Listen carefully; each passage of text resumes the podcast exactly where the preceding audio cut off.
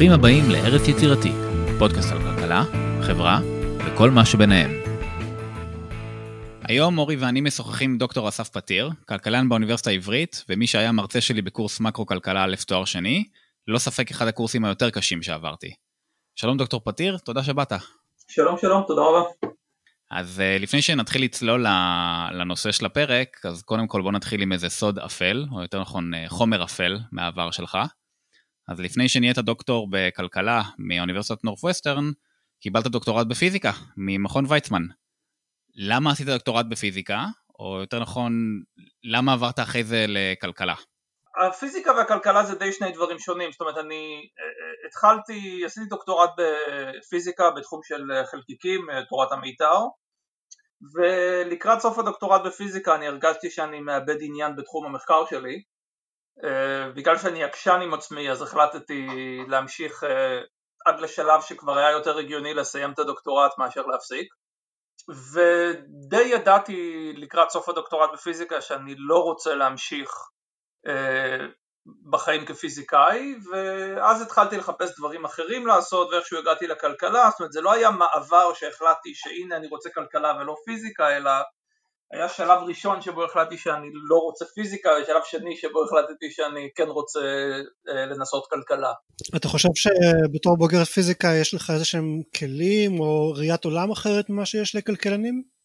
אני, אני לא רוצה להגיד אחרת, אני, אני חושב שכל אחד מאיתנו מביא לתוך המחקר הכלכלי את uh, סך כל הניסיונות וה, והדברים שהוא למד בחיים שלו, אז כל אחד בא מ, עם איזשהו אה, מטען שונה, ואני חושב שהמטען הזה ודאי שהוא משפיע על הדרך שבה אנחנו חוקרים. אז אני יכול לראות הרבה מאוד מקרים שבהם כל מיני דברים שחדרו אה, אליי בתור החשיבה הפיזיקלית או הגישה הפיזיקלית לפתור בעיות משפיעות על הדרך שבה אני חושב על כלכלה. אבל קשה לי לשים את האצבע ולהגיד uh, משהו קונקרטי. אני יכול נגיד להגיד שבגלל שעסקתי הרבה בחלקיקים, התעסקתי הרבה עם סימטריה, אז הרבה פעמים אני מחפש סימטריה בתוך בעיות כלכליות, או הרבה פעמים אני מאתר איזשהו uh, uh, משהו בתוך הבעיה הכלכלית שאני חושב שהוא כאילו עוזר לחשוב עליה, עוזר לפתור אותה. אז זה בדרך כלל דברים שהם די סאטל, זה לא משהו שהוא מאוד בראש הדברים. אני אמ, חושב שיש איזושהי הקבלה אולי בין פיזיקה לכלכלה אה, שקצת מזכיר את הוויכוחים בין איינשטיין לבין אלה שבאו אחריו שאנשים נוטים נורא לחפש איזה שהם תיאוריות יפות וסימטריות ומתמטיות ככה אבל במציאות יש לך המון דברים ככה מכוערים כמו הוויכוח, אם אני זוכר נכון היה איזשהו ויכוח בין איינשטיין לבין החבר'ה שעסקו בפיזיקה קוונטית או משהו כזה ש, ששם כאילו המציאות נראית מכוערת ומבולגנת ו... היא לא סימטרית ויפה כמו התיאוריות המתמטיות. וזה קצת מזכיר את כלכלה, שיש לך דברים של פסיכולוגיה ודברים כאלה שהם ככה מלוכלכים קצת. אני חושב שזה לא לגמרי נכון לגבי פיזיקה. זאת אומרת, יש, יש בזה הרבה מן האמת, אבל uh, אחד הדברים שהניסיון שלי מאפשר לי לעשות זה להצביע על... Uh, uh, כלכלנים בדרך כלל לא מבינים מה פיזיקאים עושים ופיזיקאים לא מבינים מה כלכלנים עושים. אז הרבה פעמים אני אדבר עם אנשים שבאים נגיד מעולם הפיזיקה והם יסתכלו על איזושהי בעיה בכלכלה ויגידו ככה וככה וככה או צריך מודל כזה וכזה אה, ואני חושב שפיזיקאים לא מבינים מה כלכלנים עושים ובגלל שבשני התחומים האלה משתמשים הרבה מאוד במודלים פורמליים ובמתמטיקה שהיא לפעמים מתקדמת אז יש נטייה לחשוב כאילו שאנחנו עושים אותו דבר. כאילו שנינו מנסים לכתוב מודלים שמסבירים את העולם. אבל האמת היא שיש הבדלים מאוד עקרוניים ועמוקים בין מה שכלכלנים עושים לבין מה שפיזיקאים עושים ואני חושב שאני מבין מה פיזיקאים עושים ואני לא לגמרי בטוח שאני מבין מה כלכלנים עושים. זאת אומרת אני חושב שאני אולי עדיין בתהליך הזה של לנסות של הטרנזישן. אה, אני יודע שלקח לי שנים בהתחלה להבין, ה... להבין למה כלכלה זה לא פשוט לקחת מודל כמו שעושים בפיזיקה ולנסות לתאר את המערכת.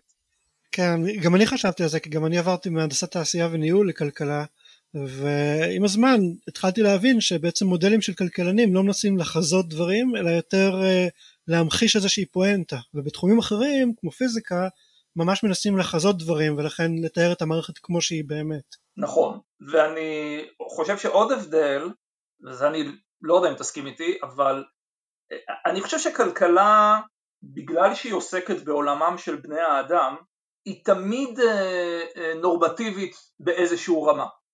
זאת אומרת, גם כשכלכלן עושה מודל שהוא לכאורה דיסקריפטיבי, שהוא רק מנסה לתאר את מה שקורה בעולם, ולא, ולא לשפוט אם זה רצוי או לא רצוי, בטח לא אם זה מוסרי או לא מוסרי, אני חושב שהחלק הנורמטיבי הוא נמצא שם ברקע. אמ, ובגלל זה, תראה נגיד בפיזיקה זה מאוד מקובל ואפילו מאוד רצוי למצוא כמה דרכים מתמטיות אלטרנטיביות לחשוב על אותה מערכת. אז נגיד כל מי שלמד קצת פיזיקה ולמד קצת תורת הקוונטים אז הוא מכיר את הגישה של הייזנברג ושרדינגר לתורת הקוונטים, זה שתי גישות שונות שהן אה, על פניו נראות מאוד שונות ומבחינה צורנית הן מניחות הנחות לגמרי אחרות לגבי מה הטבע של העולם, מה בעצם האובייקטים שקיימים בעולם, אבל אפשר להראות שהן בעצם שקולות מבחינת אה, איך אפשר לתרגם מגישה אחת לגישה שנייה וכל הפרדיקציות שלהם לגבי העולם יהיו אותן פרדיקציות. ומכיוון שהן נותנות את אותן פרדיקציות אז אנחנו מרוצים מזה שיש לנו שתי תמונות שונות לראות את העולם ואנחנו לא, לא חושבים שבטח אין בזה בעיה, זה רק יתרון. זה רק נותן לנו עוד דרכים שלפעמים הן יותר שימושיות ולפעמים דרך אחת יותר שימושית מהשנייה וההפך. בכלכלה, אה, אם אני אגיד לך ש... בוא נגיד שיש שתי גישות לתיאוריה מוניטרית שנותנות את אה, אותן התוצאות, יש את הגישה של רוטנברג ואת הגישה של קלבו שהיא מדברת על מה, מה מונע מפירמות לעדכן מחירים, זו דוגמה אמיתית. אז אה, אה, יכול, יכולים להיות כאן שני מודלים שנותנים אותם פרדיקציות, לכלכלנים זה יהיה מאוד לא נוח הדבר הזה, כי אנחנו נרצה להבין למה באמת אה, פירמות לא מעדכנות מחירים. זה שיש לנו מודל שמבחינת המשתנים שמעניינים אותנו לכאורה נותן את אותם הפרדיקציות, זה לא בסדר. כי אנחנו רוצים להבין מה סיבת העומק, ואני חושב שהסיבה שאנחנו רוצים להבין מה סיבת העומק היא כי יש לנו תמיד שיפוט מוסרי לגבי למה הסוכנים הכלכליים עושים פעולה אחת או פעולה שנייה. האם הם מוגבלים מלעשות פעולה מסוימת כי הם, אה, אם זאת סיבה אחת או סיבה אחרת, יכול להיות לזה השפעה לגבי אם אנחנו חושבים שהממשלה צריכה לפעול לתקן את זה או לא. זה משפיע על מדיניות, כאילו תובנות שונות יכולות להוביל למדיניות שונה. אה, כן, וזה בעיקר בגלל שאנחנו חושבים סיבה שהמדיניות הרצויה היא תמיד קשורה איכשהו לשיפוט הערכי שלנו לגבי למה דברים הם כמו שהם. האם הפער בהכנסות הוא נובע מזה שאנשים אה, נולדים עם יכולות שונות או שהם מפתחים יכולות שונות בגילאים צעירים, זה משנה לנו. כן, אבל זה לא הכל שיפוט ערכי, כלומר יכול להיות שיש לך איזושהי מטרה שאתה רוצה להשיג ואפשר להשיג אותה בדרכים שונות וחלק מהדרכים הן יותר יעילות מדרכים אחרות. אם למשל אתה רוצה מחירים נמוכים, אז אתה יכול לפקח על מחירים או שאתה יכול לקדם תחרות במשק וזה שתי, אה, לכל אחת מהמדיניויות האלה יש השפעה אחרת לגמרי. זה נכון, אבל אני חושב שאם אם, אם, אם היו לך שני מודלים שנותנים אותם תחזיות לגבי מה יקרה אם, אם תטיל אה, אה, רצפת מחיר, תקרת מחירים, אז אה, אה, אולי היינו מרוצים מזה, אבל אני חושב שזה שאנחנו לא מרוצים מזה קשור באופן מאוד עמוק לזה שאנחנו, כאילו זה חשוב לנו באיזשהו מקום אם זה שהמחירים גבוהים מדי זה מסיבה טובה או לא טובה, במובן המוסרי. אז אני חושב שזה איכשהו מתערב בפנים כל הזמן. אוקיי, okay, אז אחרי האינטרו הזה של אה, ההבדל אה, וזה שפיזיקה כנראה אפילו קל יותר מכלכלה, שאני בתור כלכלן חושב על זה בדיוק להפך כמובן, אז אתה לא סתם כלכלן, אתה מקרו-כלכלן. מה זה בעצם מקרו-כלכלה, ולמה יש בך בתוך כלכלה איזושהי הפרדה כזאת בין אה, נגיד מיקרו ומקרו?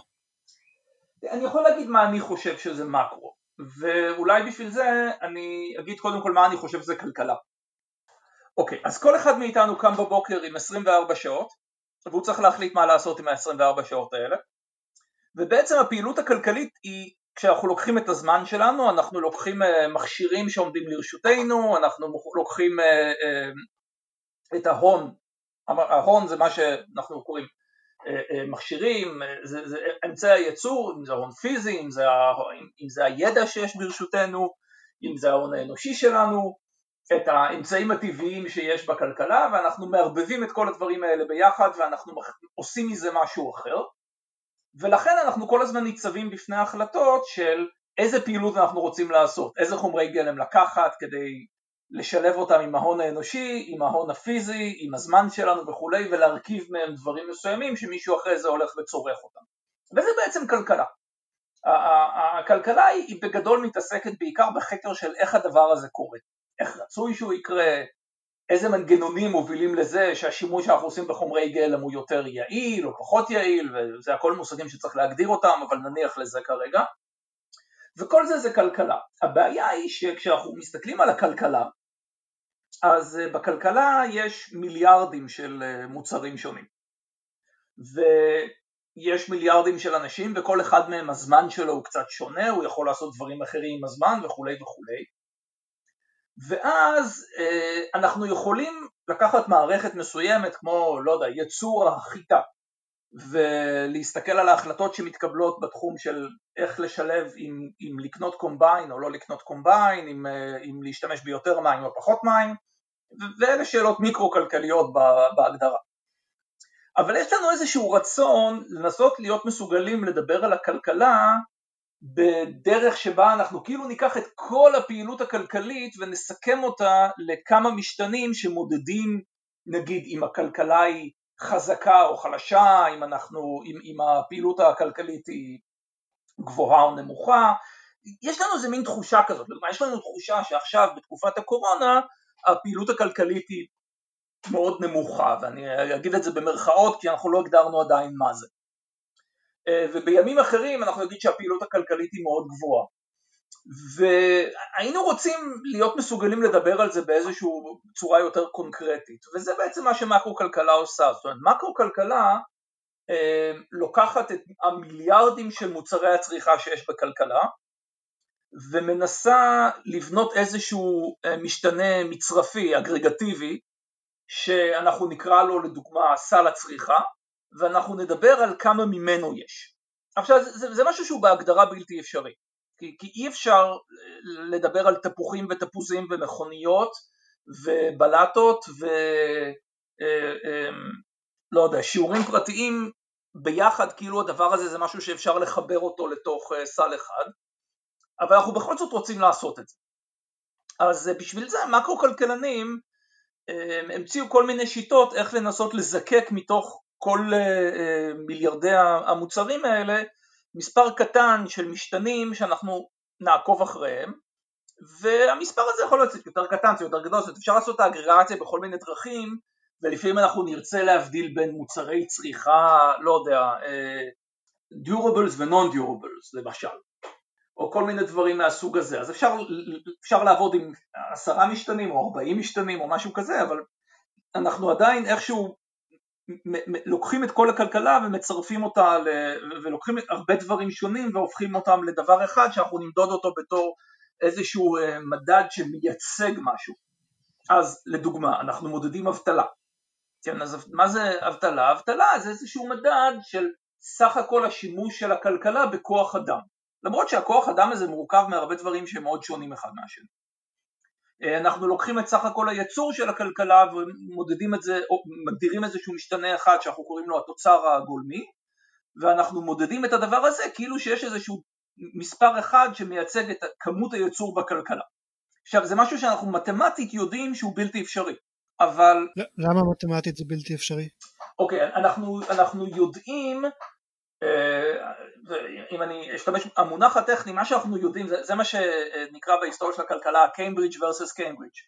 ויכוח שהיה מאוד משמעותי באמצע המאה ה-20 בין Cambridge Massachusetts ו Cambridge England לגבי האם אפשר להגדיר פונקציית ייצור אגרגטיבית לכלכלה.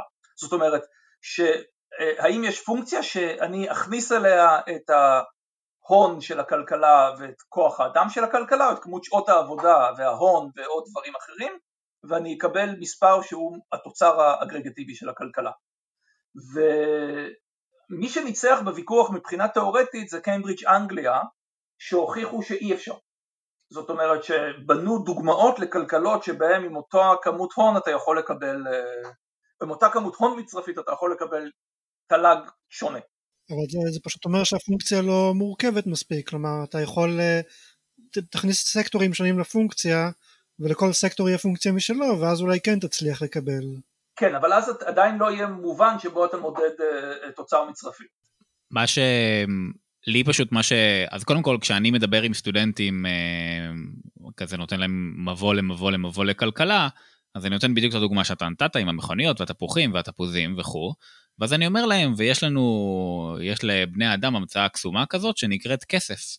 וכסף זה הנומרר, המכנה המשותף שאיתו אני יכול להמיר את כמות תפוזים לכמות מכוניות ואת העבודה שלי לטיסה לחו"ל, אם אנחנו לא נמצאים בסגר. אז יש כסף, ואפשר עם הכסף אה, לסכום את הדברים, וגם אני חושב שאם היינו אומרים למישהו, אה, יש טבחים שהם מצוינים בחומר הגלם שנקרא פסטה, ויש טבחים שמצוינים בחומר הגלם שנקרא אה, כדורי בשר, כל אחד מהם הוא מיקרו שף, והמקרו שף הוא זה שמחבר אותם ביחד ויודע לעשות את המנה. זה היה מאוד מוזר לנו, אנחנו חושבים ששף טוב הוא שף שידע גם להתעסק עם הפסטה וגם עם הבשר וגם להפוך את זה למנה אחת. אז למה ברגע שאתה מחבר את הדברים, אז בעצם אתה כבר, אתה, אתה כלכלן מסוג אחר, או מי ששם את הדברים האלה מראש בשולחן הוא כלכלן מסוג אחר. זה מה שקצת לא ברור כאן. אני חושב שמה שאתה אומר זה, זה הסבר מצוין בשביל הסטודנטים, אבל, אבל ברמה התיאורטית היותר עמוקה זה לא נכון.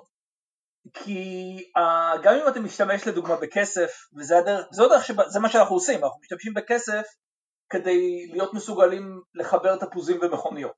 אנחנו אומרים שהמחיר של התפוז הוא מייצג את הערך שלו. אבל אנחנו יודעים שזה לא נכון, המחיר של התפוז לא מייצג את הערך שלו, המחיר של התפוז מייצג את הערך השולי שלו. אה, זאת אומרת, המחיר של התפוז הוא גם בכלכלה עם שווקים משוכללים, שהכל עובד כמו שצריך, ואני בכלל לא נכנס לבעיה של זה שיש הרבה דברים שלא, אין עבורם שוק, ואנחנו בכל זאת רוצים למדוד את ההשפעה שלהם, כמו מערכת החינוך הציבורית. אה, אבל אני, אני שם את זה בצד רגע. אה, המחיר של תפוז מייצג את הערך שלו עבור, אם אני עכשיו מוסיף עוד תפוז אחד לכלכלה ונותן למישהו לאכול אותו, מה הערך שלו מלאכול את התפוז המסוים הזה. ואת זה אני יכול להשוות אם אני מוסיף מכונית מה, מה הערך מהמכונית הזאת. אבל אנחנו יודעים שאם אנחנו, אה, אה, מה שאנחנו מלמדים במיקרו, לא במקרו, כדי לחשב את, הערך מה, אה, ממוצר מסוים זה לא מספיק, אנחנו צריכים לדעת את כל פונקציית הביקוש. זה לא מספיק לדעת רק מה, מה הערך השולי כרגע, זאת אומרת שזה רק מה המחיר. אבל זה בסדר, אבל למה זה בסדר? כי זה עדיין נותן לנו אינדיקציה די טובה, זאת אומרת זה דרך, אני יודע, גם, גם קראתי, אורי התכתב הרבה עם, אה, לא זוכר איך קוראים לבחורצ'יק שאוהב אה, לבקר את הקונספט של תמ"ג. יש הרבה כאלה ברשת. יש בלוג כלכלה אמיתית או משהו כזה? אה, כן, גם הוא. ערן כן, הילצהיים. עושים לך עבודה די קלה, כי הם מדברים שטויות. כן, אה, ברור. זאת אומרת, לא, אתה יודע, כי, כי, כי אני חושב שהם לא באמת למדו כלכלה, הם לא באמת, זה כאילו תוקפים את הנקודות הלא נכונות. ואני מוכן להגן על, על המדינה של תמ"ג, אני חושב שתמ"ג זה דרך מצוינת למדוד את כמות הפעילות הכלכלית במשק. אז אני לא רוצה שישתמע כאילו שאני חושב שזו לא דרך טובה. אני רק אומר, יש כאן, מבחינה תיאורטית, יש כאן קפיצה ממיקרו למקרו. יש את הבעיות הידועות של תמ"ג, כן, שהוא לא מודד אה, אה, צריכה עצמית, ייצור עצמי, יש אה, חוסר התחשבות במוצרים שיכולים להזיק לסביבה, כל הסיפורים הרגילים שלומדים במבוא למקרו. אה, כן, אבל... ויש אנשים שנתלים בדברים האלה ואז מנסים לפסול את הקונספט כולו, כן, אבל במידה מסוימת זה טעות, כי אם אתה לא מודד כלום אז אתה גם לא יודע כלום. אז גם אם יש לך מדד שהוא לא מושלם והוא לא סופר את האפריקאים שמגדלים בגינה שלהם מלפפונים בשביל עצמם, עדיין יכול להיות שהוא עדיף על אה, חלופות אחרות ובכל מקרה הוא בקורלציה עם כל החלופות האחרות שהוצאו עד כה. בדיוק. ואני, ואני אה, אה, הרי כל הקונספט הזה של תמ"ג הומצא באיזשהו מקום כל הקונספט של כלכלה הומצא כי אנחנו רוצים להיות מסוגלים להגיד על מדינה אחת שהיא יותר עשירה ממדינה אחרת למשל ואנחנו צריכים איזשהו מובן שבו אנחנו, מה זה בעצם העושר הזה שאנחנו מדברים עליו ותמ"ג הוא לא הגדרה של העושר אבל הוא, הוא, הוא הוא פרוקסי די טוב כדי למדוד את הפעילות הכלכלית. כן, היה, את ה, היה איזשהו, בתחילת שנות האלפיים, נשיא צרפת אה, ניסה למנות איזושהי ועדה של כלכלנים כדי למצוא חלופות לתוצר, והם הציעו כל מיני דברים שקשורים גם לחינוך, לבריאות, דברים כאלה, אבל כל הדברים שהם הציעו היו בקורלציה מאוד גבוהה עם התוצר, ועכשיו, 15 שנה לאחר מכן, לא יצא מזה כלום, ועדיין כולם משתמשים בתוצר. כי זה פשוט מאוד נוח להשוות בין מדינות וגם להשוות לאורך תקופות עבר, יש לנו נתונים על התוצר גם לפני אלף שנה באנגליה בחלק מהמדינות.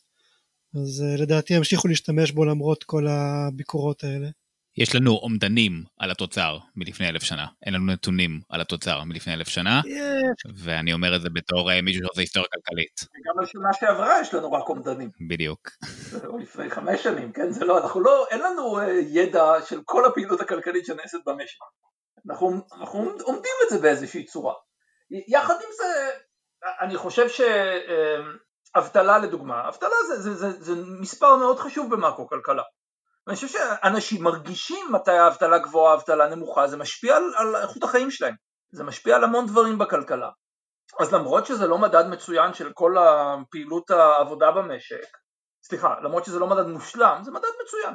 אני, אני מסכים, אבל מה שאני אומר, השאלה שלי, נניח יש לך איזשהו חוקר, שמה שהוא עושה, הוא אוסף נתונים על, על אנשים, וההשכלה שלהם, אפילו עד כמה הם, אה, הם יפים, מי ההורים שלהם, המון המון דברים, איפה הם עובדים, עד כמה הם עובדים, ואז הוא מצליח לאפיין איזה משהו ש... אה, מתואם באופן מאוד מאוד חזק, שורה של מאפיינים שמתואם באופן מאוד חזק עם זה שאתה עובד, או עם זה שאתה לא עובד, כן? כלומר, הוא יכול להגיד לך, תקשיב, מי שהלך לאוניברסיטה, הסיכוי שלו להיות מובטל לאורך זמן הוא הרבה יותר נמוך מאשר הסיכוי של מישהו שרק סיים תיכון. אז הוא יהיה מיקרו-כלכלן, או אפילו כלכלן אה, שוק העבודה או חינוך. ואז למה הבן אדם הזה, שיודע לאפיין לך באופן יחסית טוב מה הקשר בין התכונות של בן אדם בודד להאם הוא ימצא עבודה או לא, באיזה מובן המקרו-כלכלן עדיף עליו או מה המקרו-כלכלן עושה שונה כשהוא חושב על אבטלה. הנה הוא חושב על אבטלה והוא חושב על אבטלה, שניכם עושים את אותו דבר, אבל אחד נמצא תחת מקרו ברגע שזה הופך ל-4%, והשני נמצא תחת מיקרו ברגע שהוא אומר מה הסיכוי של אה, מישהו עם השכלה כזאת וכזאת להיות מובטל. כן, כאילו זה לא, לא ברור מה המקור להפרדה בין התחומים בכלכלה, שהיא בעצם נגיד לא קיימת בפיזיקה, למשל. אוקיי, לא- בואו נעזור רגע לפיזיקה בצד. אני חושב שההבדל יש כמה דברים שהם ייחודיים למאקרו כלכלה, אני חושב שאחד הדברים שהם ייחודיים למאקרו כלכלה זה שבמאקרו כלכלה באופן מאוד מאוד יסודי מה שנכנס בחשבון זה שיווי משקל כללי. למה הכוונה בשיווי משקל כללי? אז אני חושב שאם ניקח את הדוגמה של האבטלה, בוא נגיד שאני מתכנן איזושהי תוכנית שעוזרת לאנשים שמחוץ לשוק העבודה להיכנס לשוק העבודה. אז אם התוכנית הזאת היא תוכנית קטנה, אה, אני יכול לעקוב אחרי האנשים שנכנסים לתוכנית הזאת, לבדוק אה, אם הם עבדו לפני, מה הם עבדו, זאת הם לא עבדו לפני, במה הם עבדו אחרי, ולפי זה לנסות להבין כמה התוכנית הזאת היא יעילה או לא יעילה. אבל אם התוכנית הזאת נהיית תוכנית גדולה, אז מתחילות להיות השפעות עקיפות, כי האנשים האלה שייכנסו לשוק העבודה כתוצאה מזה שההכנסה שלהם תגדל, כנראה, אה, גם הצריכה שלהם תגדל. אם מערכת החינוך תצטרך להשקיע הרבה משאבים באנשים האלה, אז אולי זה יהיה על חשבון משאבים שהיא משקיעה במקומות אחרים. כל זמן שהתוכנית קטנה זה לא כל כך משנה, אבל ברגע שהתוכנית גדולה זה כן משנה. ואז ברגע שהתוכנית גדולה מתחילים להיות עניינים עקיפים, כי אם למשל, אם למשל ההכנסה שלהם גדלה, כתוצאה מזה הם צורכים יותר, כתוצאה מזה הביקוש לעבודה גדל, אז יש פה אלמנט של איזון חוזר חיובי, שבו התוכנית הזאת שבעצם איפשהו באיזשהו מקום משפרת את היצע העבודה, באופן עקיף תשפר גם את ביקוש לעבודה, ואז אנחנו מקבלים אה, אה, אפקט שהוא אפקט מקרו-כלכלי. מי שמיקרו-כלכלן אמפירי שיסתכל על תוכנית קטנה כזאת וינסה לעשות מזה אקסטרפולציה ולהגיד כן התוכנית הזאת אה, עובדת אם נגדיל אותה פי 100 אז זה מה שיקרה אז, אז הוא לא יצליח, הוא, הוא, הוא לא יראה את התמונה המלאה כי הוא לא יראה את האפקטים של השיווי משקל הכללי אותם אפקטים של הפידבק, האיזון החוזר החיובי. זה כאילו שקנה המידה יכול להשפיע על המסקנות בעצם של, של מחקר.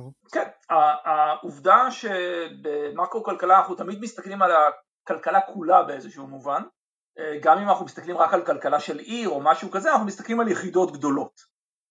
ואנחנו בדרך כלל בונים את, ה, את ה, ההבנה שלנו של המערכת היא בדרך כלל בנויה על זה שאנחנו מבינים שיש את הקשר החוזר הזה.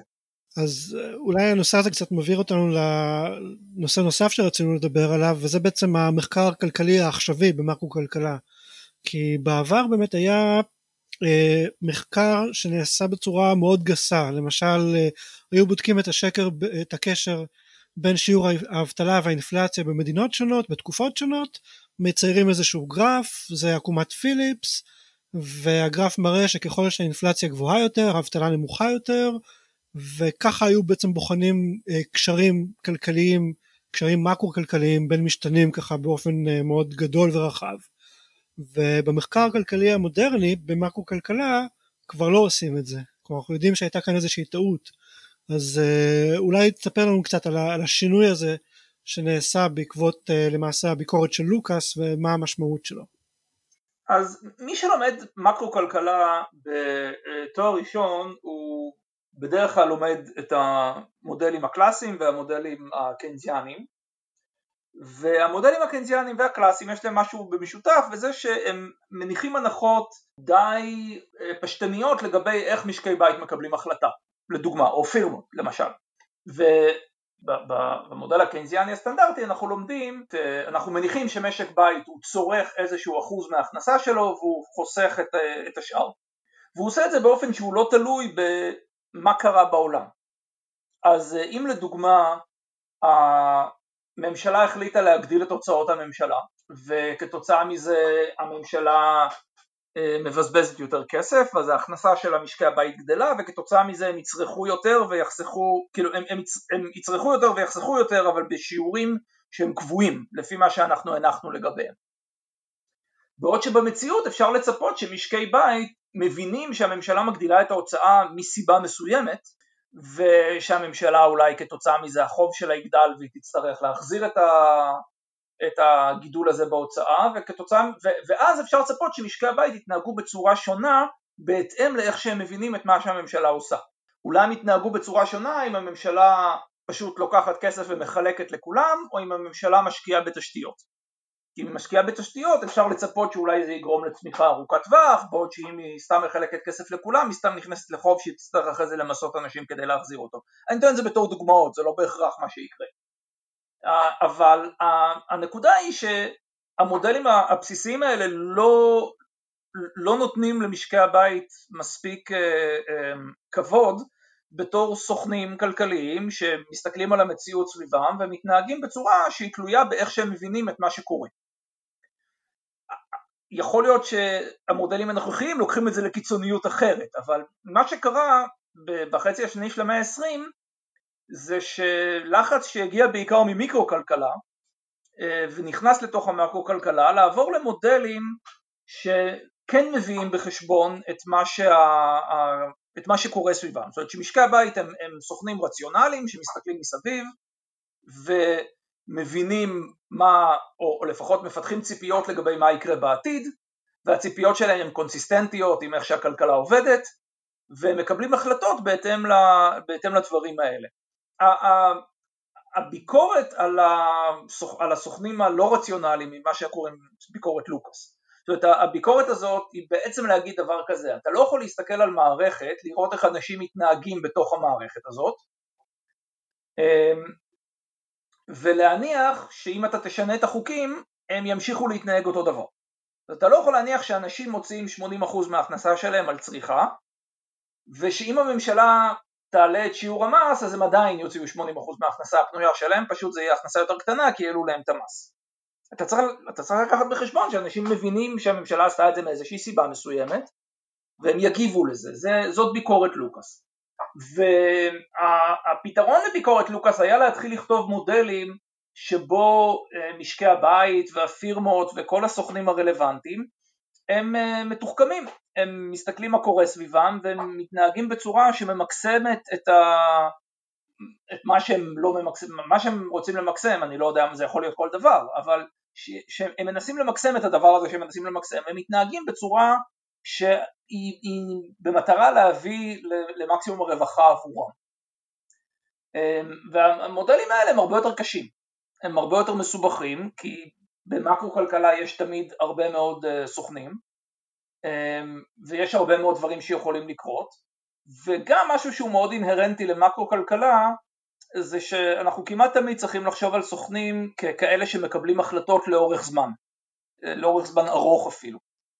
זאת אומרת, אנשים מחליטים כמה לחסוך וכמה לא לחסוך, וזה, אם הם מחליטים לחסוך יותר זה כי הם רוצים לצרוך את זה באיזשהו שלב בעתיד, או להוריש לילדים שלהם שהם יצרכו, זה לא חשוב, אבל אלה החלטות שהן נעשות על פני תקופות ארוכות.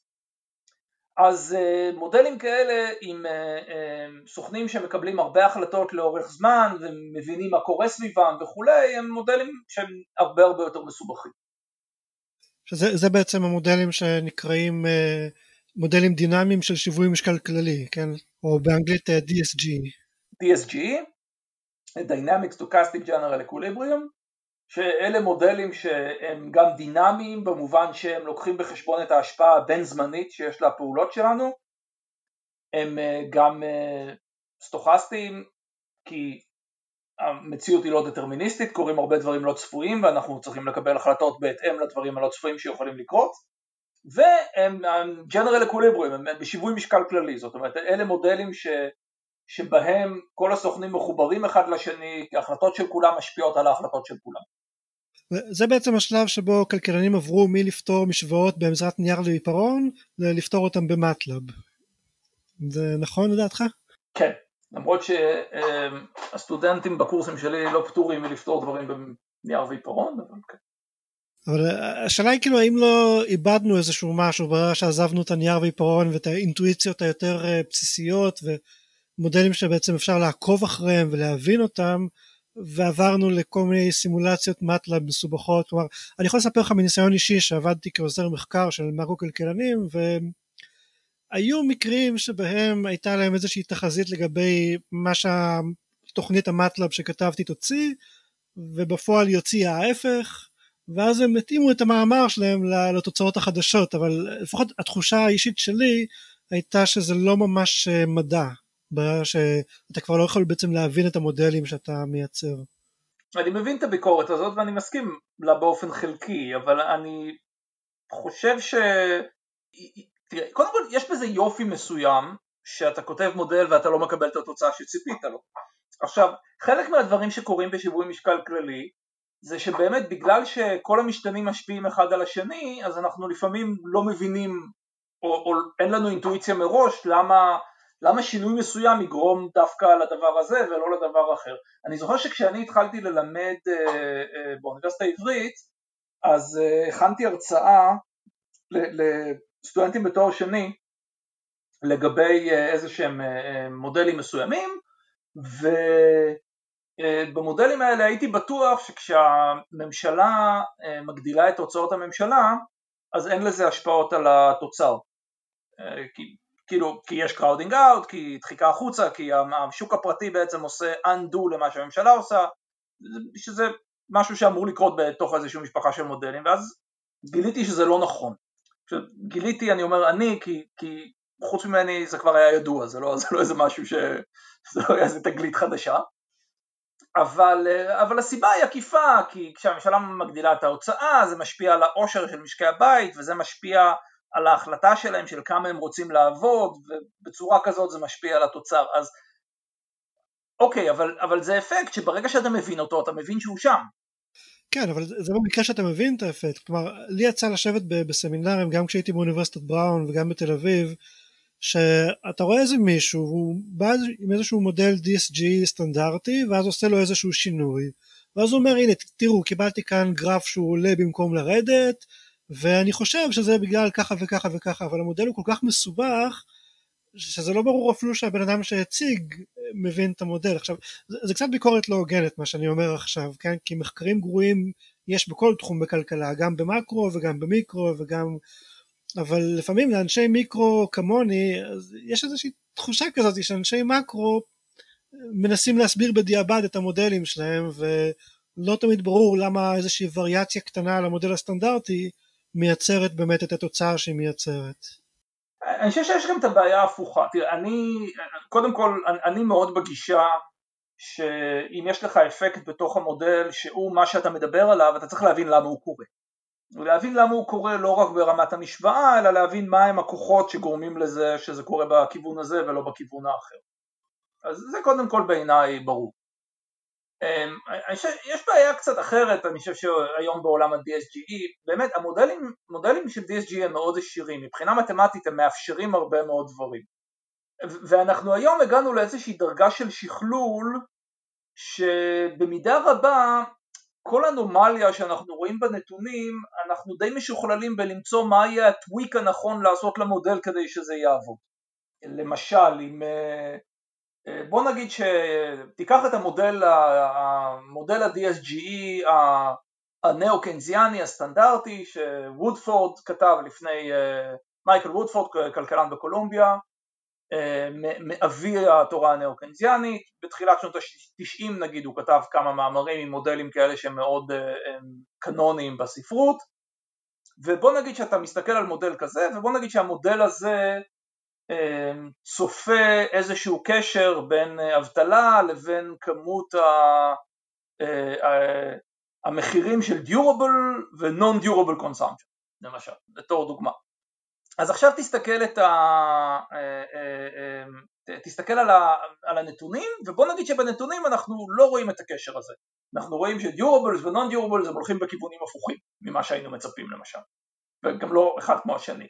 אז אנחנו היום די משוכללים במובן הזה שיהיו הרבה כלכלנים שהם מספיק טובים במודלים האלה שהם יגידו אה ah, כן אם אני אכניס את האפקט הזה אז זה יסתדר אז נקבל את מה שאנחנו רואים בנתונים ואז זה קצת נהיה באמת איזשהו מין סיפור כזה של אה, אוקיי, אני מסתכל על נתונים, אני רואה איזשהו משהו, אז אני עושה טוויק כזה למודל, ואז אני רואה את זה, אני עושה טוויק אחר למודל, וכאילו, מה... כל הטוויקים האלה זה לא דברים שאני בהכרח יכול להוכיח שהם קיימים במציאות. כן, זה כאילו, זה לא מדעי פשוט. כן, אז יש בזה, זה, זה, זה, זה בהחלט בעיה. אולי חשוב לי לציין רק למאזינים שלנו שכל הדיון הזה על מודלים של DSG הוא, הוא לא סתם דיון תאורטי כי בנקים מרכזיים משתמשים באופן קבוע במודלים האלה בשביל לקבל החלטות וזה מודלים שבאמת משתמשים בהם באופן די כבד כדי להחליט על מדיניות.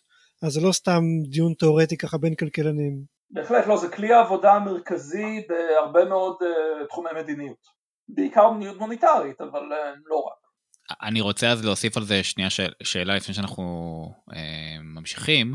אז אה, אמרת באמת שבסדר, המיקרו-כלכלן יכול נגיד לבדוק איזושהי תוכנית, אה, לא יודע, תוכנית תעסוקה כלשהי, ואם היא מספיק קטנה, אז אה, בסדר, הוא יבדוק האם היא אה, בכלל עושה את מה שהיא רוצה לעשות, אה, או האם היא בכלל אפקטיבית, כאילו אם תיתן עכשיו לכל מובטל אה, מיליון שקל והוא בזכות זה מצא עבודה ב-5,000 שקל בחודש, אז זה כנראה לא, לא השימוש הנבון ביותר במשאבים במשק. אבל ברגע שזה נהיה גדול, אז שם צריך את המקרו-כלכלן. אז מה שלי לא מאוד ברור זה נניח שמתנו תוכנית כזאת, נקרא לה לצורך העניין תואר ראשון לכל סטודנט. אה, שמעון פרס היה מאוד גדול בקטע הזה, דיברנו על זה גם קצת עם עומר מואב בפרק 4 שלנו. אז מצאנו שתואר ראשון מעלה את ההכנסה של, של הפרט הבודד בנגיד בערך 10 אחוזים, וזה סיבתי, וזה הכל, וזה מצוין. עכשיו מרחיבים את זה מ-10% מהאוכלוסייה ל-30, 40, 50, 60, 70% מהאוכלוסייה יהיה לה תואר ראשון. איך מכניסים כזה דבר למודל DSG? זה בכלל משהו שעושים?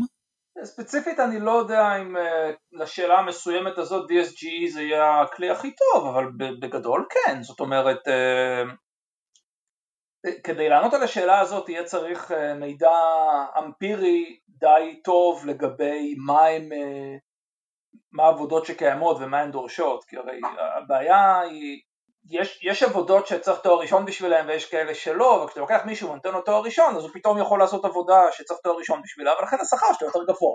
זה כאילו יהיה מן ההסבר הסטנדרטי לגבי למה זה קורה.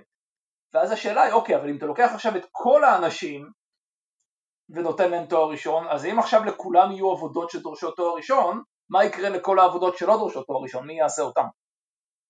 אמ, אז יכול להיות שלא יהיה צריך אותם, יכול להיות שאלה עם התואר ראשון ימציאו עבודות שייתרו את העבודות האחרות, הם יהיו יותר יעילים.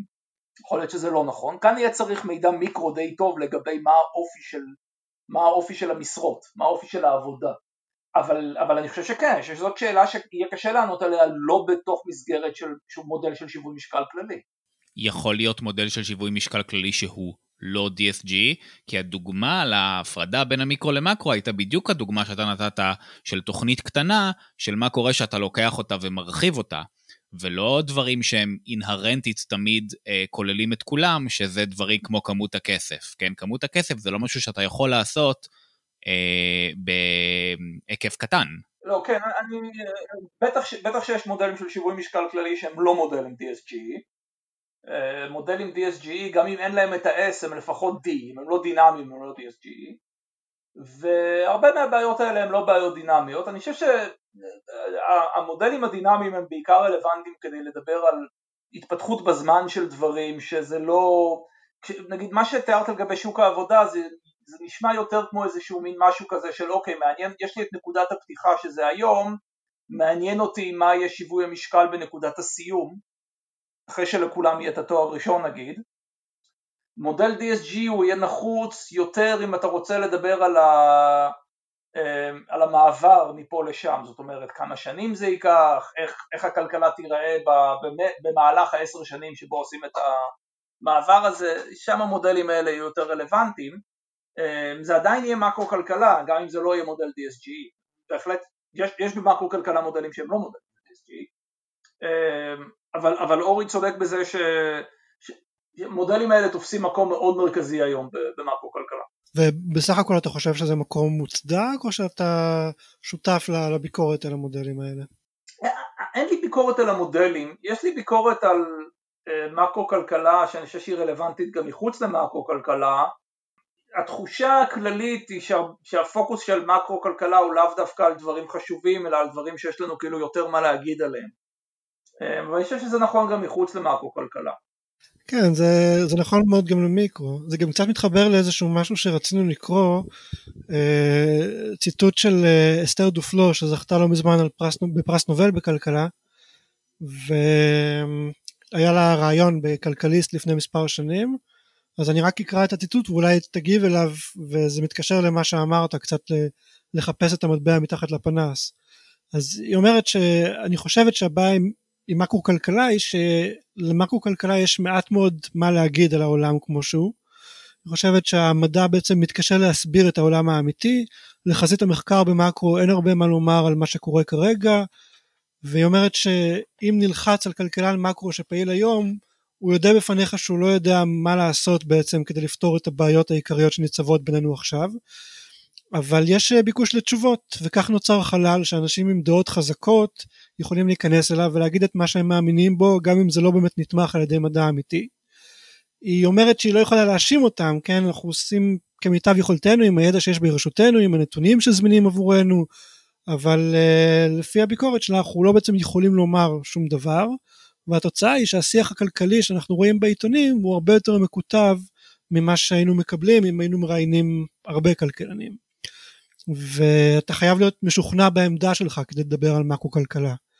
אז היא כותבת שמבחינתה זאת אחת הסיבות שבגללה היא לא עוסקת במקרו כלכלה והיא מעדיפה להתחמק בעצם מהאחריות אה, לענות על השאלות הגדולות ולהתמקד בשאלות קטנות שעליהן היא מרגישה שהיא יכולה לענות באמצעות הניסויים האלה הטבעיים שעליהם היא זכתה בפרס הנובל כל מיני שאלות מיקרו כאלה שבהם אתה ממש יכול להגריל כפרים בהודו או באפריקה ולעשות איזושהי התערבות ולבדוק קבוצת ביקורת בהשוואה לקבוצת טיפול ודברים כאלה כי היא מרגישה שזה שאלות שהיא יכולה לענות עליהן שיש לה משהו מדעי בעצם לומר אז אני אשמח לראות איך אתה בתור מקרו כלכלן מרגיש בנוגע לדעה כזאת. יש כמה דברים שאני אה, אני, אני אולי אתן קצת פרשנות על מה שהיא אמרה. אה, חלק מהדברים אני מסכים איתם לגמרי, ואולי אפשר להתחיל מלדבר על זה שבתוך מקרו כלכלה יש מין שני תחומים בגדול, שאחד זה צמיחה והשני זה מחזורי עסקים. וצמיחה מסתכלת על הצמיחה הכלכלית שקורית במדינות לאורך תקופות ארוכות, ומחזורי עסקים יותר מתעסק בהתנהגות של המשתנים המצרפיים אה, בטווח הקצר, או בטווח הבינוני, נגיד איך הם זזים, אה, למה האבטלה עולה והאינפלציה יורדת ואם זה הולך ביחד או לא הולך ביחד זה יותר מחזורי עסקים וזה קצת יותר התחום שלי. אה, והאמת היא שבאופן לא פרופורציוני יש הרבה יותר מקרו כלכלנים במחזורי עסקים מאשר בצמיחה ואני אומר לא פרופורציוני כי אם היית שואל אותי מה יותר חשוב בחיים, צמיחה או אמ, מחזורי עסקים, אז התשובה היא ברור שצמיחה. זאת אומרת, מבחינת הרווחה של האזרח הממוצע בכלכלה הממוצעת, הרווחה הזאת היא, היא תושפע לאין ארוך יותר מהצמיחה באותה מדינה מאשר ממחזורי עסקים באותה מדינה. אני חושב שהדוגמאות שאנשים אוהבים לתת זה נגיד תאילנד, זה משק שהיו בו אה, הרבה משברים פיננסיים גדולים בחמישים שנה האחרונות, לכן הוא מאוד מחזורי, הוא מאוד עולה ויורד ומאוד תנודתי, ולעומת זאת הודו היא כלכלה הרבה יותר יציבה מבחינת תנודתיות, אבל הצמיחה בתאילנד היא יותר גבוהה מהצמיחה בהודו, משמעותית.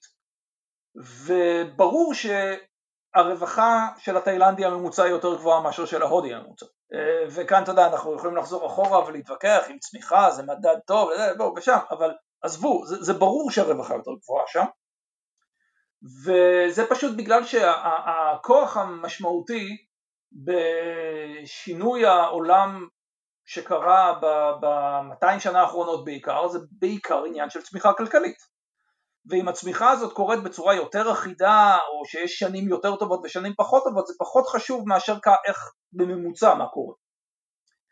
ואני אמ, יודע לפחות אורי כתב על זה ספר אז אני יודע שלא צריך לשכנע אותו בעניין הזה.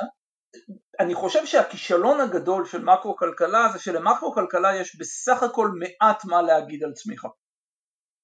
יש לנו הרבה יותר מה להגיד על מחזורי עסקים ויש לנו מעט מה להגיד על צמיחה. וכשאני מסתכל על אה, שאלות, על מי יכול להסביר לי למה מדינות מסוימות צומחות הרבה יותר ממדינות אחרות, למה יש קבוצות של מדינות שהן תקועות בעוני הרבה מאוד שנים ולעומתן קבוצות של מדינות שאפילו לפני 50 שנה נראו אותו דבר אבל היום נראות אחרת לגמרי אז איך אנחנו מסבירים את ההבדלים האלה? אז אני חושב שלכלכלנים בתחום של פיתוח, כלכלת פיתוח, שזה באמת אסתר דופלו, וגם כלכלנים. בהיסטוריה כלכלית, כלכלנים שעוסקים במוסדות, או כלכלנים שעוסקים בתרבויות, או כלכלנים שעוסקים מבחינה אמפירית בכלכלת פיתוח למשל, בסופו של דבר יש להם הרבה יותר מה להגיד על, על צמיחה מאשר מה שלמאקרו כלכלנים יש להגיד עם המודלים המוגבלים שלנו. טוב, זה אף פעם לא מאוחר מדי לשנות התמחות, אתה יודע. כן, אה, כן. אה, הפרס נובל של רומר זה היה שנה שעברה או שנתיים כבר? אני כבר לא זוכר. אה, שנה שעברה נדמה לי, אבל אני גם לא בטוח. אתה יודע, הוא, הוא קיבל את הפרס נובל על תרומה שלו לצמיחה אנדוגנית, שזה תחום במאקרו כלכלה שמנסה להסביר צמיחה על ידי כל מיני אה, אה, תופעות אחרות בכלכלה וצמיחה אנדוגנית זה, זה, זה לא תחום לא משפיע, הוא, הוא כן היו לו השפעות והוא תחום ש, שבהחלט מוצדק לתת פרס נובל עבורו אבל אני חושב שבסופו של דבר הוא אה, משאיר יותר שאלות אה, פתוחות בתחום הזה של צמיחה ממה שהוא עונה עליהן ואני חושב שאני לגמרי מבין למה אסתר מעדיפה את התחום שלה. בוא נגיד שלמי ש, שבעיקר מעניין אותו הנושא הזה של עוני ושל אה, של העולם המתפתח, למקרו כלכלה יש בסך הכל מעט מאוד מה לתרום. אז אני חושב שכאילו מקרו כלכלנים שהולכים למדינות עולם שלישי ואומרים אתם צריכים לעשות ככה וככה וככה, אני חושב שמעט מאוד מזה מתבסס באמת על תרומות משמעותיות שבאו מעולם המקרו כלכלה. אז זה, זה דבר ראשון לגבי, בוא נגיד, מה שאני אסמן בתור כישלון אחד של מאקרו. אני חושב שהתקיפה שה, דווקא של uh, uh, מודלים DSG בתור זה כאילו הבעיה שאנחנו כאילו התחפרנו בתוך המודלים האלה, זה אני לא מסכים. Um, אני חושב שהמודלים האלה הם מאוד שימושיים כדי uh, לנסות להבין uh, למה דברים קורים כמו שהם קורים במחזורי עסקים ואולי אולי אני אגיד כמה מילים על איך בונים דברים כאלה אז מודלים האלה הם בסך הכל בנויים מאיזה שהם יחידות שמנסות לתפוס תופעות כלכליות שהן מפשטות תופעה כלכלית שאנחנו חושבים שהיא קיימת במציאות, אנחנו הופכים אותה ליותר פשוטה לצורך המודל. אז לדוגמה, במודל הנאו-קיינזיאני, אחד הרכיבים האלו, אחד הרכיבים הכי מרכזיים בתוך המודל, זה ההנחה שפירמות קשה להן לשנות מחירים נומינליים. דוגמה שאני אוהב לתת לזה זה שאני לא יודע אם אתם זוכרים שפעם היו עיתונים אז מדי פעם היו מעלים את המחיר של העיתון וכשהיו מעלים את המחיר של העיתון תמיד העיתון היה מרגיש צורך לשים איזה בוקסה קטנה למעלה של עמוד אחד ליד איפה שכתוב את המחיר ולהסביר למה הם העלו את המחיר וזה תמיד היה מין הסבר כזה של מחירי הדיו עלו ומחירי הזה עלו והייתה אינפלציה של ככה וככה ואנחנו כבר שלוש שנים לא העלינו מחירים אבל עכשיו אנחנו הגענו למצב שאין ברירה ולכן אנחנו מעלים את המחיר באופן מתון מ-7.50 ל-7.70 ובסוף שבוע ל-12 ואני חושב שהבוקסה הזאת היא דוגמה שבדיוק מדגימה את זה שקשה לפירמות להעלות מחירים. כי הרי כולנו יודעים מה האינפלציה, לכאורה האינפלציה מפורסמת על ידי הלשכה המרכזית לסטטיסטיקה פעם בחודש ואם היינו כולנו רציונליים והגיוניים אז היינו יכולים לצפות שאם הייתה אינפלציה של עשרה אחוז בש... לא יודע, בשנתיים מסוימות אנחנו יכולים לצפות שהמחירים של העיתונים יעלו בעשרה אחוז. אז העיתון לא צריך להסביר את זה, הוא פשוט עושה את זה ואנחנו כולנו מרוצים. או לפחות כולנו חושבים שזה הגיוני. אה, אבל אנחנו לא מתנהגים בצורה כזאת וזה דוגמה לזה שמחירים, אנחנו יש לנו איזשהו חיבור ל, ל, לערך הנומינלי של המחיר, לזה שזה, אנחנו רגילים לזה שעיתון הוא 7.50 ואנחנו מצפים לזה שהוא יהיה 7.50 ולפירמה קשה לשנות את זה ולנו קשה לשנות את התפיסה שלנו לגבי כמה צריך לשלם על עיתון וכולי. אז המודל הנאו-קיינזיאני לוקח את הרעיון הזה וממדל אותו באיזושהי צורה על ידי זה שהוא דורש נגיד שפירמות ישלמו איזושהי עלות מסוימת כשהם רוצים לשנות את המחיר או משהו כזה. אז אוקיי במציאות אולי אין את העלות הזאת אבל זה כן תופס את הרעיון. ואז אנחנו לוקחים את הרכיב הזה אנחנו מכניסים אותו יחד עם עוד רכיבים כאלה ואחרים לתוך המודל ואנחנו מנסים להבין איזה תופעות הדבר הזה חוזה. ואנחנו הולכים לבדוק אם התופעות האלה הן גם כן מתקיימות במציאות כמו שאנחנו, היו לנו תופעות שהצדיקו את ההכנסה של הרכיב הזה, אבל עכשיו הדבר הזה מוביל לאיזשהו, לדוגמה, תופעה אחת שזה מוביל אליה, זה, זה מוביל לקשר בין אינפלציה לאבטלה. ואז אנחנו יכולים ללכת ולחפש ולראות האם הקשר הזה באמת קיים, ואנחנו רואים שהוא באמת קיים. ואז אנחנו מרוצים, אנחנו חושבים שהבנו את זה. וזה הרעיון של המודלים האלה. ואני אה, חושב שבהקשר הזה אה, המודלים האלה הם כן כל הזמן תחת ביקורת. אנחנו כן כל הזמן, כשאנשים מנסים להכניס רכיבים חדשים, אנחנו הולכים ומחפשים לבדוק אם הם באמת קיימים. ואנחנו בודקים את זה גם ברמת המיקרו וגם ברמת המאקרו. אנחנו גם בודקים אם באמת קשה לפירמות לעדכן מחירים. אז יש כל הזמן מאמרים על זה. נגיד, בזמן האחרון הייתה איזו טענה ששכר של עובדים הוא קשיח רק כלפי אה, מטה. זאת אומרת שקל להעלות להם את השכר וקשה להוריד להם את השכר. כי באמת ההיגיון אמר שלמעסיק ללכת ולהגיד לעובד מהחודש הבא אתה תרוויח אה, חמישה אחוז פחות ממה שהרווחת עד היום נומינלית, זאת אומרת אם הרווחת עד היום מעשרת אלפים, ממחר אתה מרוויח 9,500 כי הפירמה בקשיים ואנחנו מצמצמים שכר אה, זה מעשה שמאוד קשה למעסיק לעשות, הרבה יותר קל, כאילו הוא לא ברור שהרבה יותר קל להעלות שכר. כן, אבל בייחוד אם אתה מדבר על נומינלית. אם אתה מדבר על שכר ריאלי זה דווקא יחסית אה, קל, כי גם כאן יש איזושהי אשליה של אנשים שהם לא באמת מבינים, אה, אשליית כסף כזאת, שהם לא מבדילים בין הנומינלי לריאלי. בדיוק, זה רק על נומינלי. זאת אומרת, אה, כל הרעיון פה הוא שכשיש אינפלציה, אז בעצם השכר הריאלי נשחק, בלי שאני צריך להוריד לעובד את השכר הנומינלי.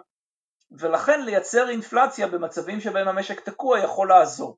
כן, אולי רק נראה בשביל הצופים ששכר נומינלי זה ממש המספר שאתה רואה בתלוש המשכורת, ושכר ריאלי זה שכר בניכוי עליית המחירים. אז אם למשל המחירים עולים, השכר הריאלי שלך נשחק, אבל בתלוש המשכורת אתה רואה את אותו שכר נומינלי. זה ההבדל. אתה מקבל אותו מספר שקלים, אבל יכול לקנות עם זה פחות תפוחים. אוקיי, אז, אז נגיד, אז זו טענה שהיא על פניו נשמעת מאוד הגיונית וסבירה, אבל די, די מתחולל עליה קרב קטן, כי למרות שהיא נשמעת מאוד הגיונית, המחקר האמפירי שמקרו-כלכלנים עושים בתחום הזה מראה שזה כנראה לא נכון. זאת אומרת שהשכר הוא קשיח בשני הכיוונים. שזה אולי מפתיע, אבל, אבל זה פרט שהוא חשוב, והוא חשוב כדי לתקף את הרכיב הזה שאנחנו רוצים להכניס לתוך המודל. אולי פירמות מפחדות לעלות שכר כי הן אה, לא יודעות את העתיד בוודאות, אז הן חוששות אה, גם מעליית שכר. זאת אומרת, זה, זה יכול להיות הסבר אפשרי. אה, ומקרו כלכלנים היום הם, אין היום מקרו כלכלנים טהורים, אנחנו כולנו חיים ברווח הזה שבין המיקרו למקרו כי אנחנו אה, אה, אם אנחנו רוצים לדבר על זה ששכר הוא קשיח אז אנחנו גם הולכים ומחפשים נתונים אמפיריים על שכר כדי לבדוק שאתה, שההנחה הזאת שלנו לגבי מה קורה עם השכר היא נכונה ואנחנו גם הולכים ומכניסים את זה לתוך איזשהו מודל של שיווי משקל כללי כדי לנסות להבין מה ההשפעות של הדבר הזה על המשתנים המצרפיים. אז קודם כל המודלים האלה אני חושב שהם כן, אה, אה, אה, אוקיי הרבה אנשים עושים עבודות לא טובות איתם ואני חושב הם, הם כן מודלים שבסך הכל נמצאים uh, תחת בחינה מתמדת. הדבר השני זה שאני חושב שהמודלים האלה הם בלתי ניתנים להחלפה, אוקיי, יום אחד מישהו ימציא משהו יותר טוב, um, אבל אני אתן לך דוגמה, ה-Federal Reserve של ארה"ב הכריז לפני כמה שבועות, ממש לא מזמן, שהם אה, עוברים ממשטר של אה, אה, יעד ריבית, יעד אינפלציה ליעד אינפלציה ממוצע. זאת אומרת הפד כבר לא מנסה לגרום לזה שהאינפלציה תהיה נגיד שלושה אחוז כל הזמן, אלא הוא מנסה לגרום לזה שהיא תהיה שלושה אחוז בממוצע על פני תקופה ארוכה. מה בעצם ההבדל? זה בעצם אומר, בוא נגיד שאינפלציה שנה שעברה הייתה 1%, אז אוקיי, השנה שעברה אבל עברה, ועכשיו אנחנו השנה, אז האם השנה אני מנסה שהאינפלציה תהיה 3% כדי שהיא תהיה 3%, או שאני מנסה שהיא תהיה 5% כדי שבממוצע על פני התקופה היא תהיה 3%, למשל. וזה בעצם השינוי שהם עשו, ועכשיו נשאלת השאלה, אוקיי, מה, מה, מה השינוי הזה יגרום? מה זה יעשה? עכשיו, קודם כל, באופן יסודי, אני חושב ש... נחזור רגע לביקורת לוקאס ולהצדקה המקורית של מודלים אה, דינמיים, אנחנו מבינים שהדרך היחידה שבה הדבר הזה משפיע, הוא משפיע דרך זה שמשקי הבית מבינים מה הבנק המרכזי עושה. משקי הבית או הפירמות או מי שמייצג את משקי הבית, זה לא חשוב שכל משק בית יבין את זה. אמ, אבל זה ברור שמין הצהרה כזאת לגבי הבנק המרכזי משנה את המדיניות, אם ההצהרה הזאת עושה משהו, היא עושה כי משקי הבית מתנהגים בצורה שונה בהתאם למה שהבנק המרכזי מכריז שהוא עושה.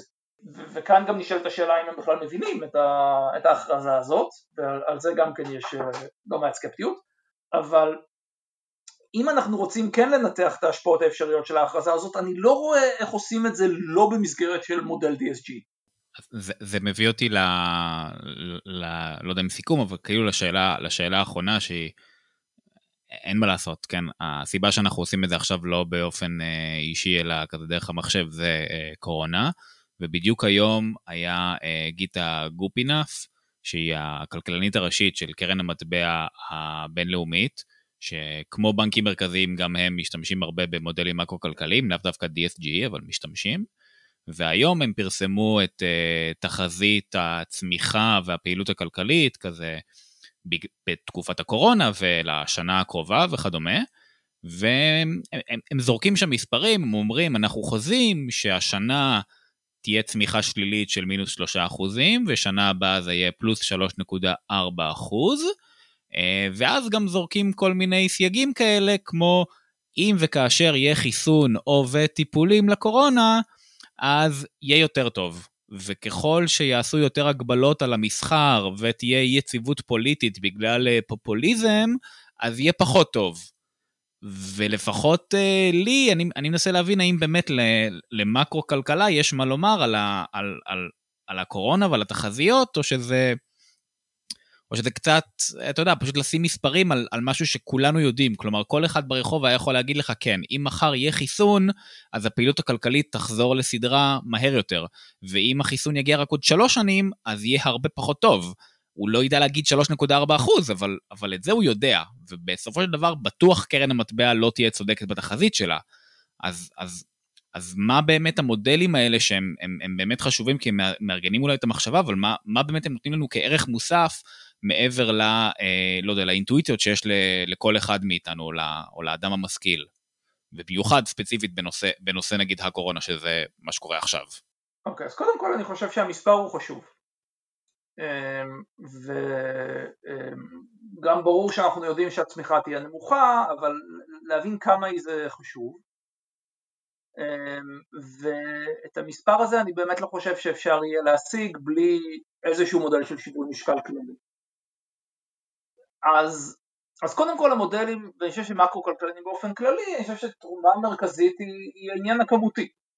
אמ, וזה גם אחד הדברים שבגללם אנחנו צריכים את המודלים האלה, כי בכלכלה קורים כל הזמן הרבה דברים בו זמנית, ומקבלי ההחלטות צריכים כל הזמן לשקול את החשיבות של הדברים האלה מבחינת מה המשקל שיש לדברים האלה על, ה, על הפעילות הכלכלית. עכשיו, לפעמים אנחנו יודעים יותר טוב להעריך דברים ולפעמים אנחנו יודעים פחות טוב להעריך דברים. הקורונה היא בהחלט מצב שאנחנו יודעים פחות טוב להעריך דברים.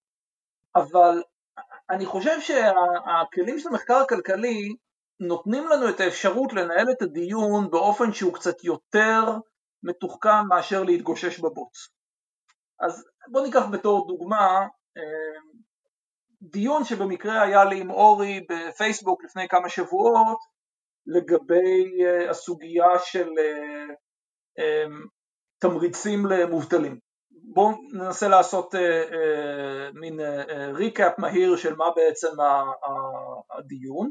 אז בצורה סופר פשטנית בוא נגיד שיש לי אופציה אחת שהיא להגיד שבן אדם שהוא אה, אה, בחל"ת או מובטל כתוצאה מהקורונה, אני בעצם, אה, במקום שהוא יהיה מובטל, אני אשלם למעסיק שלו כדי שימשיך להעסיק אותו בחל"ת, לא בחל"ת, שהוא ימשיך לשלם לו משכורת, דרך ה... ואני אשלם למעסיק כדי שיכסה את המשכורת הזאת כל זמן שהקורונה נמשכת ועד שאנחנו נגיע למצב שאנחנו יוצאים מזה.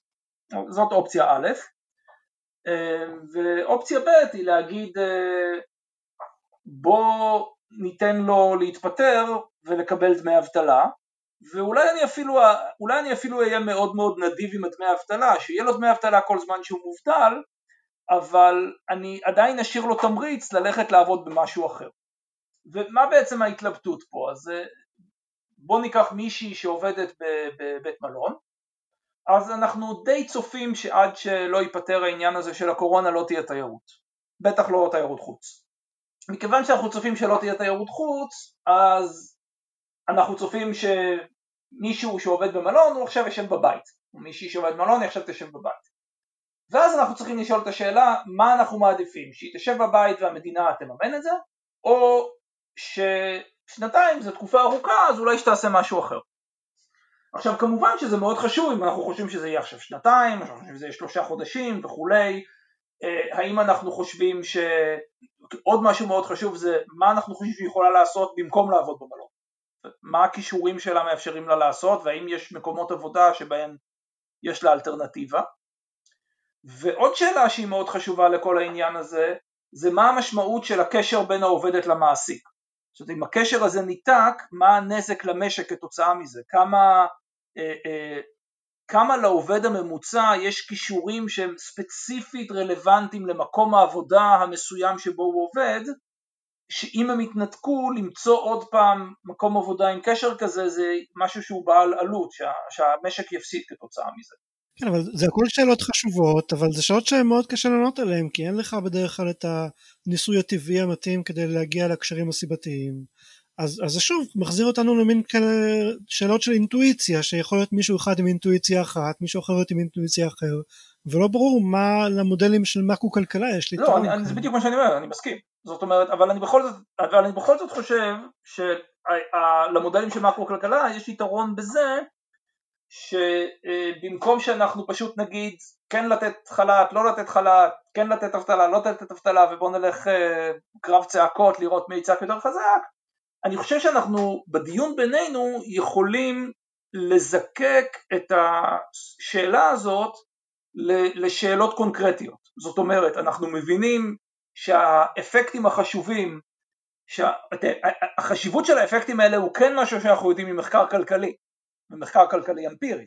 אנחנו יודעים שלקשר בין עובד למעביד יש משמעות, שיש ערך למאץ', לזיווג בין מעביד לעובד יש ערך, ערך כלכלי, אה, ואנחנו יכולים לנסות להעריך כמה הוא, ואנחנו יכולים לנסות לדבר על אה, מה הצפי שלנו לגבי כמה זמן הקורונה תימשך, לגבי מה היכולת של האנשים האלה למצוא עבודה אחרת. עכשיו, לגבי כל הדברים האלה, במיוחד בימי הקורונה, מכיוון שזה כל כך תקדימי, אנחנו לא באמת יכולים לשים מספרים מאוד, אה, אה, מאוד קונקרטיים על הדבר הזה. אנחנו יכולים לדעת אולי דברים בערך, כן. אני יכול לכתוב מודל ולעשות חישוב ולהראות לך מה התוצאות שלי, ואז אתה תגיד לי שאתה חושב שאני הגזמתי פה ושזה לא נכון, אה, ואנחנו, לפחות אנחנו יודעים על מה אנחנו מתווכחים. אני חושב, שאנחנו, אני חושב שזה הופך את הוויכוח ליותר איכותי. נכון, לא, אני מסכים איתך לגמרי שברגע שבאמת מנהלים את הדיון הזה וחושבים דרך המודלים, אז אתה באמת יכול להבין מהם האפקטים החשובים ולפחות מה אתה צריך למדוד. אבל בסופו של דבר בהרבה מקרים, ואולי גם במקרה הזה, אפשר לכתוב מודלים שונים שיובילו לכמעט כל תוצאה שאתה רוצה, ולא תמיד יש לנו באמת ידע אמפירי מבוסס היטב על האפקט הסיבתי של דברים שונים. אז, אז המון פעמים לא ברור שיש כאן הרבה מעבר לאינטואיציה.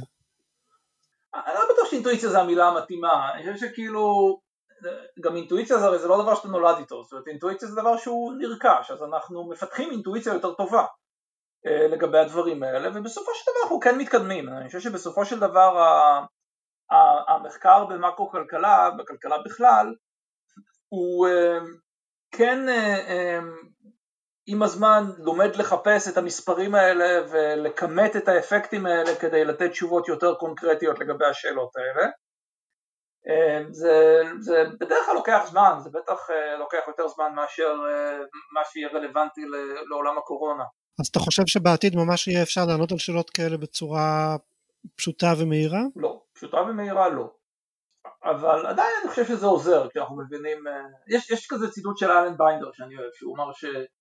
אה, הוא אמר את זה ספציפית על כלכלה מוניטרית, על, על מוניטרי פוליסי, אה, ולא על מקרו כלכלה ככלל, אבל אני חושב שזה נכון לגבי הרבה תחומים בכלכלה, הוא אמר ש, שמדיניות מוניטרית זה אומנות באותה מידה שזה מדע. אבל uh, as much an art as it is a science, אני חושב שאני לא, אני אולי קצת uh, לא מצטט במדויק, אבל זה משהו כזה, uh, אבל אומר, בזמן שעסקתי באומנות השחורה הזאת, אני מצאתי שהמדע הוא די מועיל. אז אני חושב שהמודלים שה, האלה מאוד עוזרים בלארגן את המחשבות. Uh, אני חושב שהם עוזרים בלארגן את המחשבות גם מבחינה כמותית, זאת אומרת, אני חושב שהם גם בסופו של דבר אומרים לנו, אוקיי, אם אתה רוצה להאמין ש... שכדאי לשלם לכולם חל"ת, אז אתה צריך להאמין בפרט שהקשר בין עובד למעביד, הערך שלו הוא ככה וככה. ואם המספר שיצא לך מזה הוא עשרת אלפים דולר, אז אני אגיד אוקיי, זה כנראה לא עשרת אלפים דולר, זה כנראה, זה, זה, זה לא סביר שזה באמת המספר בעולם האמיתי, נגיד. אז אני חושב שזה כאילו ה... אמ, מה שזה נותן לנו. אבל אני חושב שזה ויכוח ממש מרתק והייתי שמח להמשיך אותו אבל אנחנו באמת כבר חרגנו כאן ממסגרת הזמן שרצינו לדבר בה אז uh, אני חושב שנסיים כאן עם הציטוט הזה ואולי נמשיך בהמשך באיזשהו פרק אחר. בשמחה, תודה רבה. אז uh, תודה רבה לך אסף ואני מקווה שנהנית כמו שאנחנו נהנינו מהדיון. תודה. אנחנו היינו ארץ יצירתי, אורי כץ, איתי טישנבסקי ואריאל קרלינסקי. בהערות הפרק אפשר למצוא קישורים לספרים, מחקרים ודברים נוספים שדיברנו עליהם. אפשר למצוא אותנו בפייסבוק ובכל אפליקציות הפודקאסטים. תעשו לנו לייק ותשתפו עם חברים. נתראה בפרק הבא.